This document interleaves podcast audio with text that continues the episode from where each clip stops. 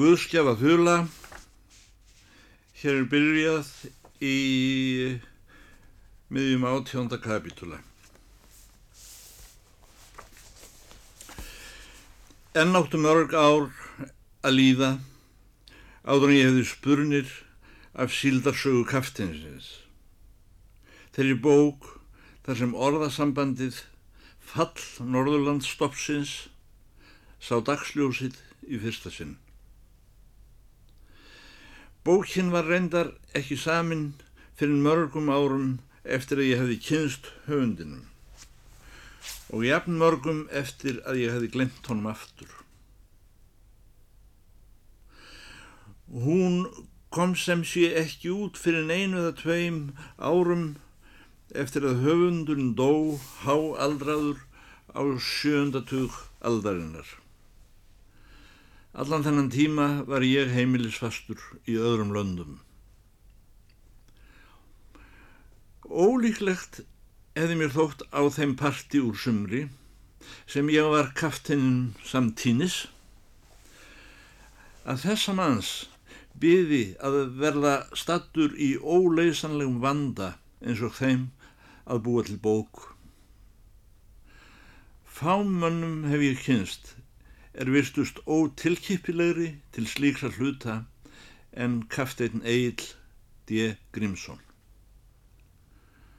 Vantrúarbrós vitjaði mín þegar ég las í blaði áratugum síðar að komi mér út bók eftir kafteinn er svo hétt.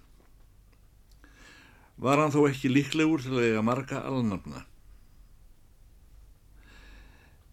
Þegar tilviljun rak síðan bókina upp í hendur mér gæti ég ekki varist brosi.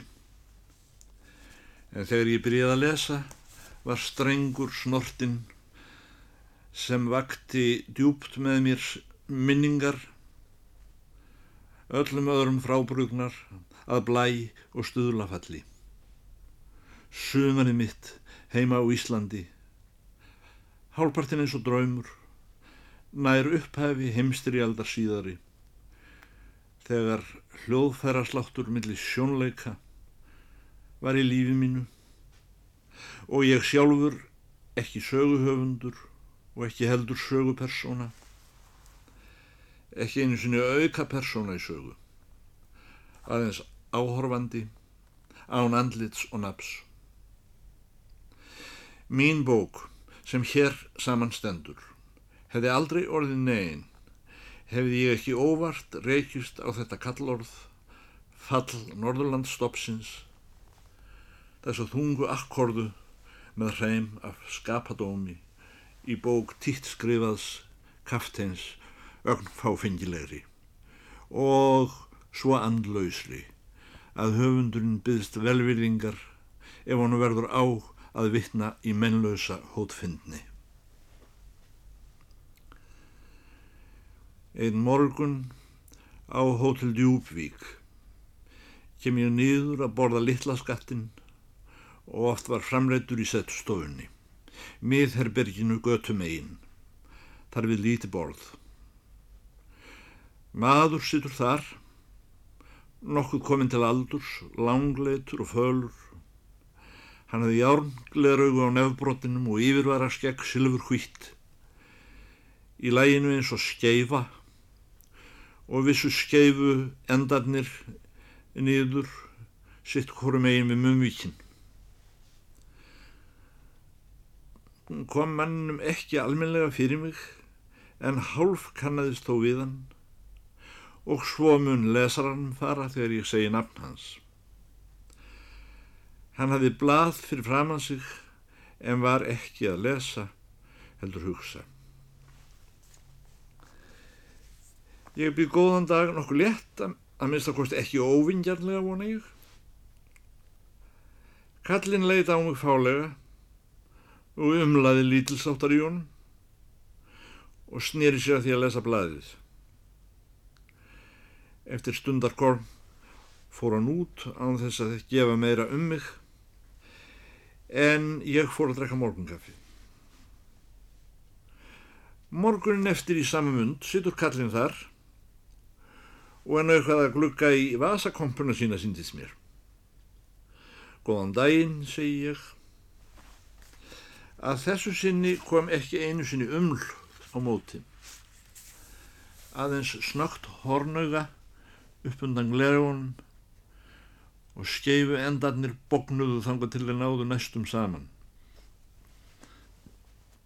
Stúlkan komi kaffið. Þriðja morgun sýtur kallinn þar enn og er nú bara að hugsa á þess að það var nokkuð fyrir fram að sig. Ég býð góðan daginn, gladbeittari, en áður því mér fannst við vera orðnir hálgildings góðkunningjar, ef ekki gamlir vinir. Að þessu sinni reys Karl á fætur, heldur snúðugt, strunsaði til dýra og var farin. Nokkrum dögum síðar kemur kallin inn með að ég er að borða litla skattin og sest niður. Hann leiðir mig augum, gagnrýnin í fyrstu, en svo verður úr að hann kynkar til minn kolli, að vísu án skuldbindingar.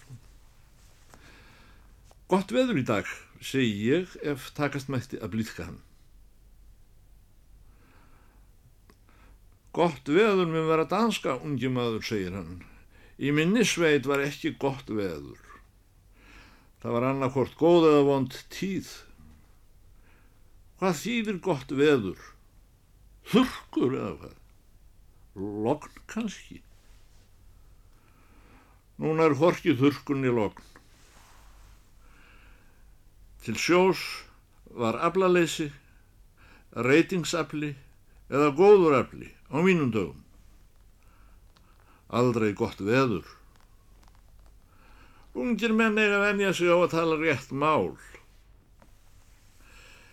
Það var komin postur og ég fór að rýfa upp bref í miðju kaffinu. Það voru líka dagblöð til hans og hann tók þau til handargags og fór að líta á dagsetningarnar. Þannig til hann segir, ekki beint óvingjallega en þó heldur eins og til að taka úr mér vindin og síða mig. Hvað eru þér annars að vilja hér ungi maður?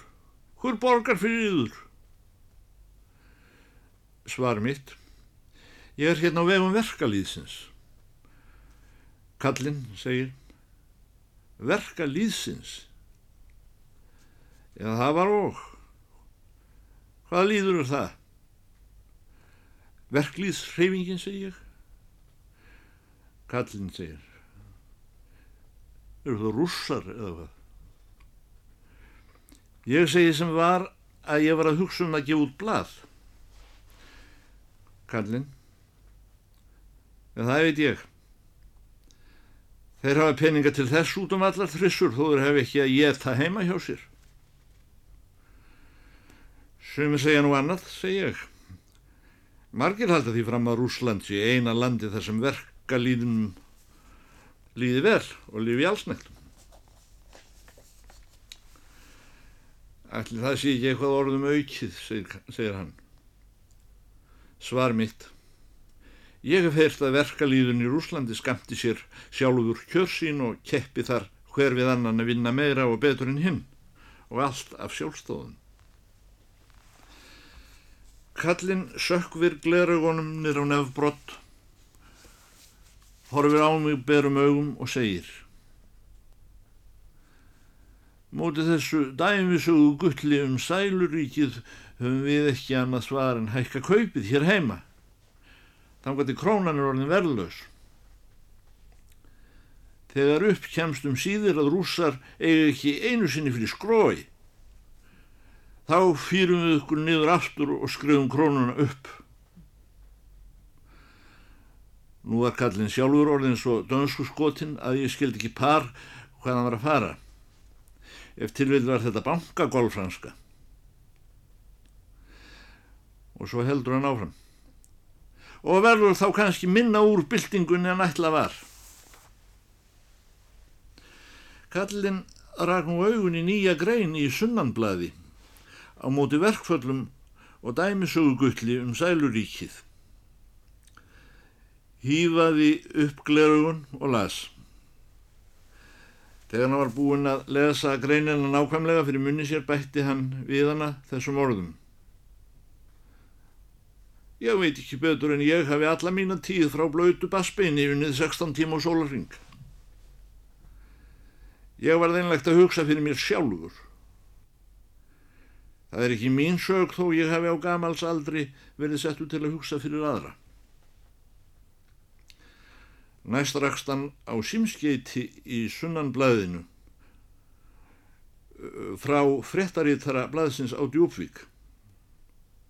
Nota beni, hér hefði ekkert blað frettarítara. Og honum ofhasaði svo við lesturinn að hann rétti mér blaðið stein þegjandi. Símskeitið í blaðinu hljóðar þannig. Djúpvík í gæðir. Hér hefur við síldarlaust í halvan mánuð og skortur og glaksumjólk og ýmsir hafa gripið til þess óendis úræðis að fara á skakk. Brennivins ríkinu er lokað sem lámæla fyrir í landlegum. Sumir telja byrðir ímist uppdruknar og til þurðargengnar eða þeim hefði jafnvel verið stólið. Vonleis framundan.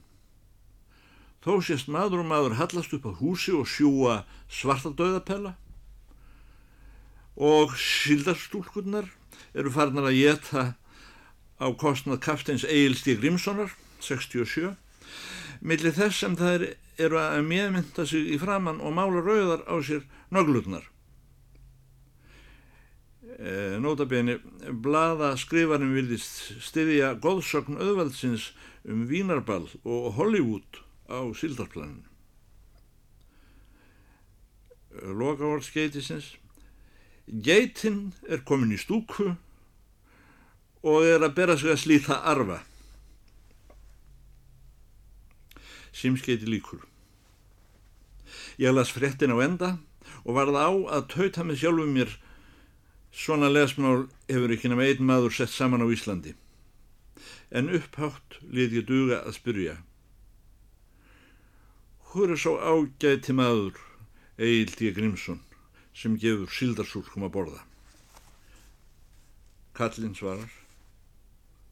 Það er ég og ég gef öngum neitt. Nítjándi kapitúli Róku fréttir að sunnan Þess var áður getið að ég hefði undir eins á fyrsta degi símað suður og beðið að senda mann hinga fljótt sem veri góður að gera við prentsmiður. Brátt kom í ljós að ekki var auðhlaupið að því að finna slíkan mann í höfðborginni, allra síst til að gera við prentsmiður í afskektum sjáarplásum. Bolsjevíkinn, maður Gunnu, sem ég hefði sjálfveljúr kosið mér að standa í hans þjónustu í stjórnmálum, ekki stóð á svörum frá honum. Gera svo vel að senda prentsmiðuna söður með fyrstu ferð. Bráðum var liðin mánuður síðan prentsmiðan fór og enn örlaði ekki á enni tilbaka og blada útkáma var í nulli í Djúbvík. Nú slæðir eftirfarandi skeiti niður eins og reyðarslægi sem ég sitt hér í mækindum á tali við þennan likla pétur. Simskeitið. Ástand á djúbvík vekur hrylling landslýðsins. Sapnið fólkinu saman. Skipuleikið baráttu með kröfugungum, ræðuhöldum, plaggutum og verkföllum gegn kúun banka og ríkisvalds. Kommunismin er verklýðsráð pluss rafleðing brínið fólki með heimsbyltingunni. Herðið það með fordæmi verklýðsráðanna sem stjórna Sovjetríkjónum. Takmarkið eitt um allan heim. Allt er betra en vera passífur. Prentsmiðið djúbvíkur farin til útlanda. Mér brá í brún við þessar róku fréttir af djúbvík. Sjaldan hefur skeiti komið mér svo á óvart. Satt að segja held ég allt væri nokkur neginn lægi hér. Ég vissi um öngva atbyrði í staðnum til þess fallna að vekja hrylling landslýðsins. Hvað hefði komið fyrir? Treg síldveiði, Rétt var það í, rauninni engin, nú í þrjár vikur, með einhver reytingur af smásíld af lágum uppruna og óskild Norðurlandsstofninum og hún var frist í beitu. Já en stúlkunar fengu að geta, hvort sem auðrar til innkaupa handa braggamötunætum þeirra komu frá kaftinni Agli D. Grímsinni 67 eða einhverjum öðrum kaftinni. Og meðan svo var, og stúlkurnar gáttu að halda áfram að mála sig í framann svo framvegist til að halda lífi í góðsögn romantískra bjargálnamanna um Djúfvík sem fyrirmyndar Pútnahús og Álvakirkju var þá ekki allt í lagi. Var nokkuð óttast fyrir sunnan. Mundu stúlkurnar ekki komast hver til síns heima á landsins reikning með höstinu eins og í öðrum síldalessi sumrum. Framhald fyrrskrifarar minnisbókar, dagsett eins og ofan, lauslega rittstýrt. Fór að hitta formann verklýðsfélagsins á skrifstofunni í djúpsíld. Skrifstofustúlkan Þórarna Þjóðgjörstóttir satt við skrifborðið og hafði breytt dansk familji journal yfir rítvélina og var sopnuð fram á olbógana onni skjölin. Hún rauk upp með andfælum og vísaði mér inn til fórstjórans. Hann var að lesa þið fræga skáldrit maður í Suður-Ameríku og lagði það rólega frá sér þegar ég kom inn, helsaði stillilega og bauði vindil. Hér kemur samtal fulltrúa flokksins og formans verkliðsfélagsins við rittstjóra Norðurfjörðans á Djúbvík. Rittstjóri segir. Ég hef búin fá skeiti. Formaður, ég er líka. Rittstjóri, segir. Prentsmiðan er færðin til útlanda. Formaður, já það mátt ekki setna vera. Rittstjóri. Í skeitinu stendur allt er betra en vera passífur, hvað er það? Er það máltæki eða hvað? Formaður. Ætla því ekki betrir illt að gera en ekki neitt? Rittstjóri. Hvað ætlar verklýðsfélag djúfíkur að gera? Það kuður að stert félag. Formaður. Félagi mitt heitir í raun og veru stúarafélagið. Það er gamalt félag. Í því eru tól menn, postularnir voru líka tólf. Við erum eirarkallar, dagsbrúnarmenn, greindir bóknöður bændur úr sveit. Við vonum að við skiljum marxisma. Kannski erum við postularnir aftur gengnir, en við kunnum ekkit verknum að stúa. Við höfum bara brot úr hestafli í skroknum til að selja á eirinni. Það dýr ekki til annars en draga eitthvað lítið eða íta á eitthvað eða taka eitthvað ekki mjög þungt á bakið. Bráðum stúrafélagi döttur elli. En við bregðumst aldrei okkar stjætt. Við verjum heimsbyltinguna í líf og blóð hver í sínu hodni. Þannig að síðasti Stúarinn er elli döður. Rittstjóri segir. Gæti þetta félag samt ekki tekið fórustu fyrir öðrum verkamennum á staðnum? Formaður svarar. Það sem ég hef gert til að vera ekki passífur er að skipuleggja verkfall hjá þessum eirarköllum. Við heimtum herra tímakaup fyrir að skipa upp nöðsynjaförunu okkar sjálfra sem kemur með strandbóknum og fyrir að skipa út þeirri síld sem kannski kemur stundum. En við erum bara tólf. Aðkomi fólk aftur á móti skiptir hundruðum, jáminn þúsnum. Vélfræfingar að setja niður vélar endalust kraðag af svo kvöldum sjómönnum á síldarbótunum og á þeim veit engin sporðin í höfu þeir koma oft beint frá einhverju langskóla borði, jæmlur háskólan eða þeir eru útlendingar að leika sér. Ellegar alls konar streðlar, flækingar, sveitamenn og drikkjureflar sýtur húr áttinni. Stundum útskúaði smáborgarar og heldri verkamenn. Þeir eru vestir.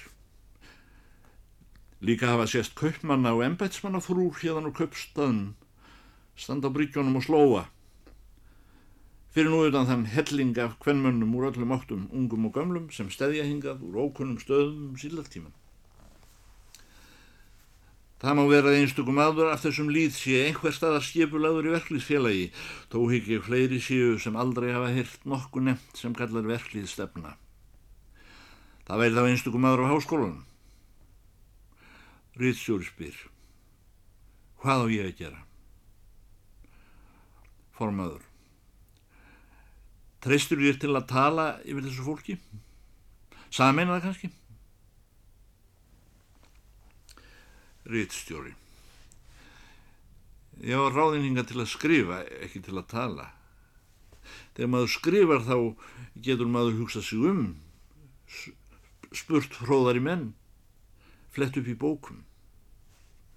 Ég er ekki nógu vel aðið mér í marxisma. Stundum finnst mér þessi kenning verið endaleisa frá rótum. Einhvers konar blendingur á geðveiki úr biblíunni og bulli úr þjóðverjum. En sveið því, ef hún getur betur um bætt heiminn þá er allt í lagi og ég held áfram að vera einn af þeim hliðhóllu sem eru kallaðir meðreiðarsveðinar. En það hamlar mér að ég hef ekki verið hér á landi síðan ég var rétt rúmlega fermdur og þar af leiðandi ókunnur öllu hér. Ég er hrættur um ef ég fer að tala, þá tala ég af mér. Hver sem er getur reykið mig á gat. Ég myndi vinna málstæðan tjón. Formaður. Með öðrum orðum þinn formáli er allt er betur en verið aktífur. Rittstjóri. Líklega væri best ég legði á stað, gangandi, söður yfir fjöll, strax í kvöld. Ef þú vilt get ég endurgreitt ég þá auðra sem mér voru fengnir fyrir sunnan út á rittstjóradegnina. Formaður svarar. Þeir peningar voru ekki um mínum kassa.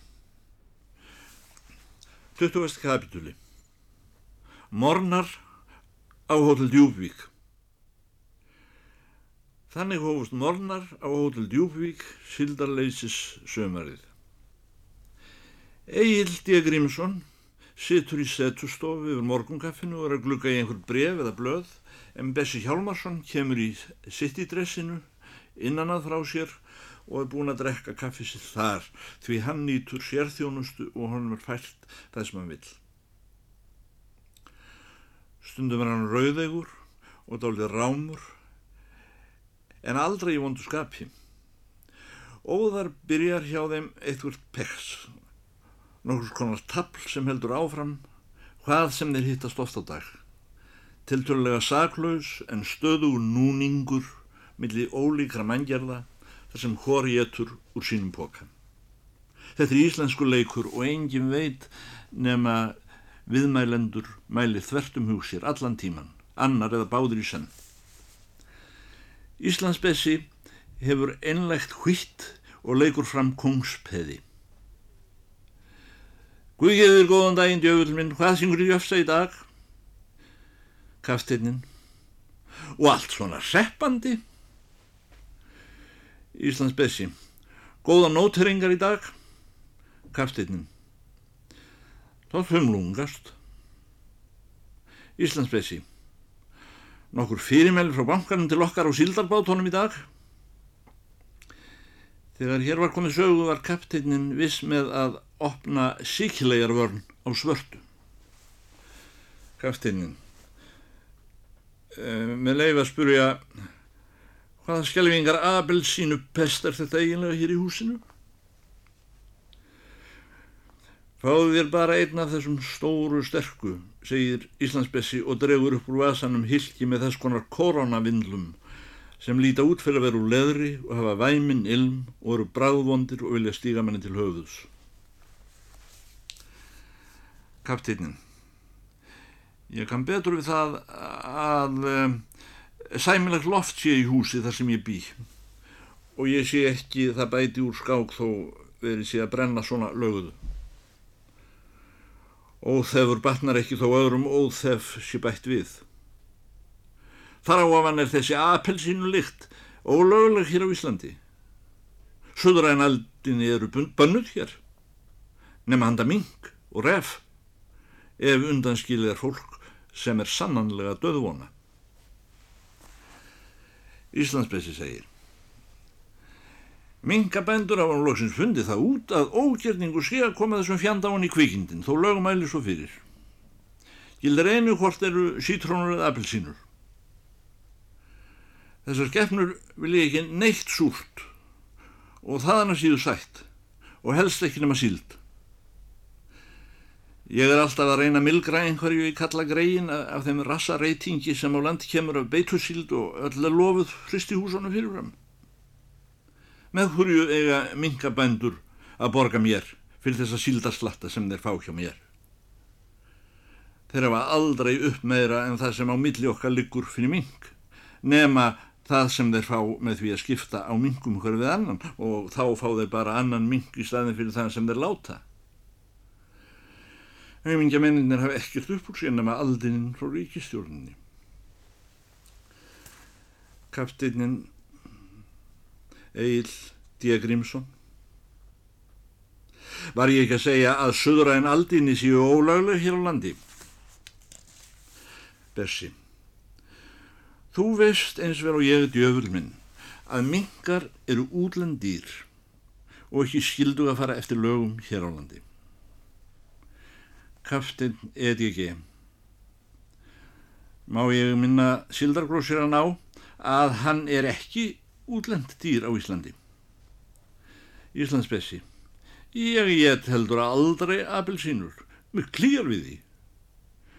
Aftur á móti er ekki lengra síðan en í gerðkvöldi að ég sendi 12 kassa af apelsínum á útlenda sjómannaheimili hérna, handa færeigingum og svífum. Kapteinin. Ef minkabændur get ekki komið þessu efni ofan í kvikindin þá ber þeim að grafa það í jörðu. Dægin eftir, þegar fyrstu leikirnir eru búnir og allt er orðið hreppandi, ellega lítur út fyrir að það þumlungist, þá upphefst kaftinninn með nokkur skonar rásar afbrygði af síkilegar vörn og segir Hvaða óskup sínist mér herra grósirinn vera útverkaður í framann allur bólkin og augun sokkin og sprungi fyrir á vörn? Veri ekki betra að setja hjá það plástur. Íslands besi. Þetta eru bara englarispur. Það eru heilsumerki. Þú voru aldrei heilt talað um að komið hafi illt í englarispu á nokkrum lifandi vanni. Samt ég nú út í apotek að tala við hann Guðgamla vinn minn. Kapteinnin. Englarispur. Þetta er einkennlegt orð. Ég efast um það sé íslenska. Ég geti best hugsað að verið danska.